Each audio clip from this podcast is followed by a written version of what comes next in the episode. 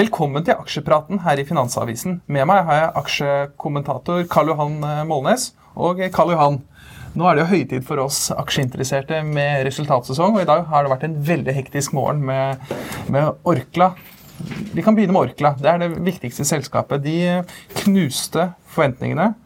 Mye takket være vannkraft. Hva er din vurdering av eh, rapporten? Det, det er veldig gode tall. Det er eh, omsetning opp 18% første halvår, driftsresultat opp 28 eh, resultat før skatt opp 22% og resultat per aksje opp med 8% og Veldig høy skatt. Det er pga. to ting. Det er høy skatt på vannkraft, og at de har tatt en 116 million kroners nedskrivning i Russland som de ikke får skattemessig avskrivning på. Men ellers så er det sterk vekst på vannkraft, men også merkevarer. 10% organisk vekst og 15 eh, strukturell vekst. Så det, det, det, er jo ting som går veldig bra, men blir dratt ned av Orkla Foods, Orkla Confectionery og Consumer. Så markedet er ikke helt fornøyd. Og, men likevel, tallene er jo uh, veldig høye og store. Så det, det, det er jo rart at sjefen går av, han måtte gå av med så gode tall. Så det, er litt rart. Men aksjekursutvikling var jo ganske svak i hans uh, periode, hvis du sammenligner med sammenlignbare selskaper, så kanskje det var riktig? Ja, det er ikke lett å være sjef i Orkla. Det er tøft, vanskelig, det er harde krav. Og så er det vel litt sånn eh, det, det, det, har veldig mange forskjellige forretningsområder. Du har vært analytiker og, og analysesjef. Er det et litt vanskelig selskap å analysere? Ja, det, det, er klart det eh, Problemet er jo rett og slett at uh, det er vanskelig å sammenligne det med utenlandske selskaper som driver inn merkevare. Um, så, um, fordi at de har egne merkevarer. Og, men de driver de veldig godt, så du kan ikke kjøpe det opp. da. Det blir litt spesielt spesielt hvis du sammenligner f.eks. på Racket Bankiser, som, et, eh, som driver bare de eh, mest aggressive merkevarene, så får du en helt annen prising. Altså det, det, er, ikke helt fair å sammenligne Orkla med, med, de mest aggressive selskapene, fordi at de har jo global dekning, og, og Orkla er jo i Norge og kan ikke bli kjøpt opp. Så du, du må liksom tjene penger i Norge, men, men, isolert sett så er jo det fantastiske tall, eh, dette her. Men det betyr bare at utlendingene liksom ikke har appetitt verken for Europa eller, eh, eller Norge for tiden. For det er utlendingen som styrer aksjekursen i Norge, det er ikke norske investorer. Det er de som kommer med den marginale kapitalen, eh, og det er de som flytter kursene når de bestemmer seg for å kjøpe og selge. Orkla. Orkla er jo en veldig defensiv eh, aksje. Er det en aksje man burde eie nå, når man går inn i en urolig tid? Man bør alltid eie Orkla. Det er veldig godt drevet. De har uh, alltid, uh, alltid, de beste folkene. Uh, og som, som, sagt, det er jo en CEO som har gått av på fantastisk gode tall, så det er veldig strenge krav. Altså. Og CFO-en han har jo kjent selskapet og jobbet med det i 30 år, så det er jo Harald Ullevålsæter er en fantastisk flink fyr. Det, det, er bare flinke folk der, så det er en, det er en god aksje å ha i en portefølje. hvis man er redd for andre aksjer, så Orkla vil alltid klarer seg veldig bra. Og Pga. at det, det, ikke er noen særlig attraktiv oppkjøpskandidat, eh, så, så vil jo de kunne få lov til å fortsette å drive dette her også. Så vi er over på en annen, kalle defensiv aksje. Europris la frem historisk eh, gode andrekvartalstall og er opp over 10 i dag.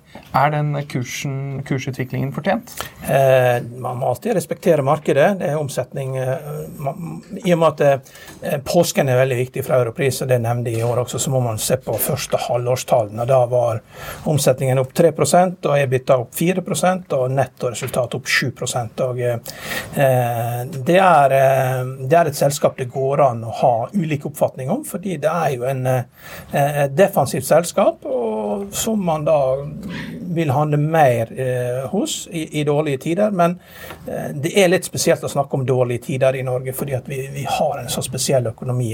Så det, det, går an å ha to forskjellige oppfatninger om europris hele tiden for, på grunn av at lavprisbutikk i Norge det er liksom, det er en motsetning i seg sjøl i det høykostnadslandet vi er i.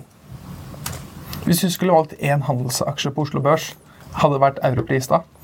Eh, nei, det vil det ikke ha vært. Det er eh, mange andre aksjer som er eh, mer, eh, mer, spennende enn Europris. Men, men de driver dette veldig godt. og det er klart Dette har jo vært eid av private equity-selskaper, så de, de, de, har veldig styring på alle detaljer. Og de driver selskapet veldig godt. Så det, det er en interessant aksje. Jeg har jo selv fulgt selskap som analytiker, og det er ja, det er alltid grunn, Man har alltid hatt litt grunn til å være litt bekymra for dem, for på et eller annet tidspunkt må jo veksten stoppe opp.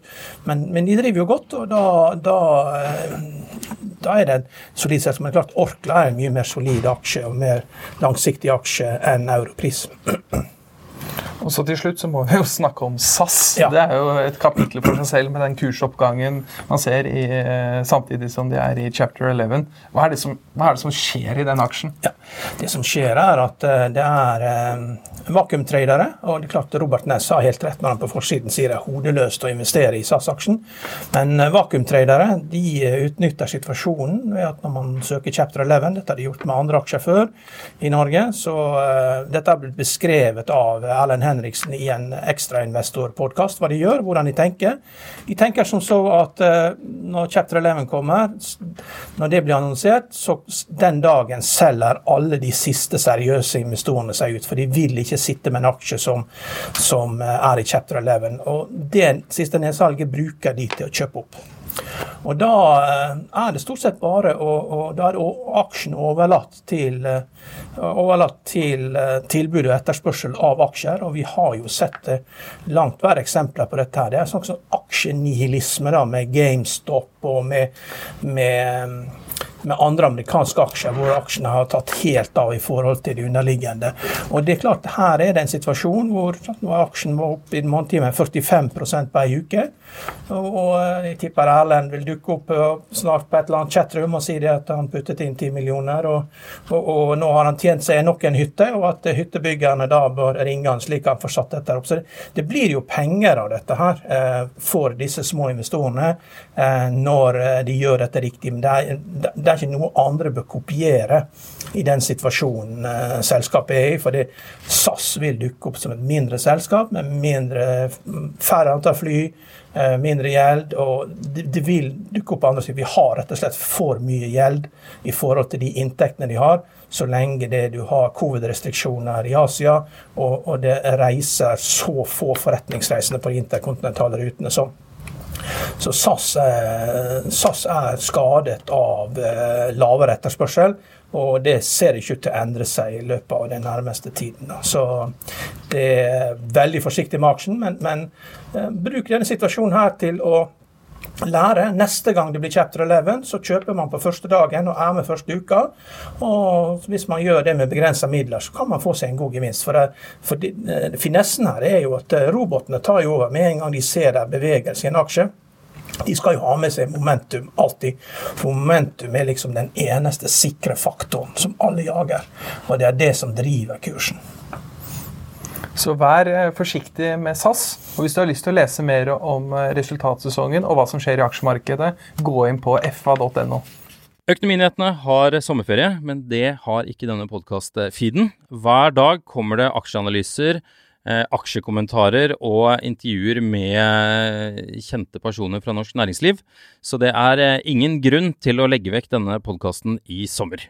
Økonominyhetene er en podkast fra Finansavisen. Programledere er Marius Lorentzen, Stein Ove Haugen og Benedikte Storm Bamvik. Produsenter er Lars Brenden Skram og Bashar Johar. Og ansvarlig redaktør er Trygve Hegnar.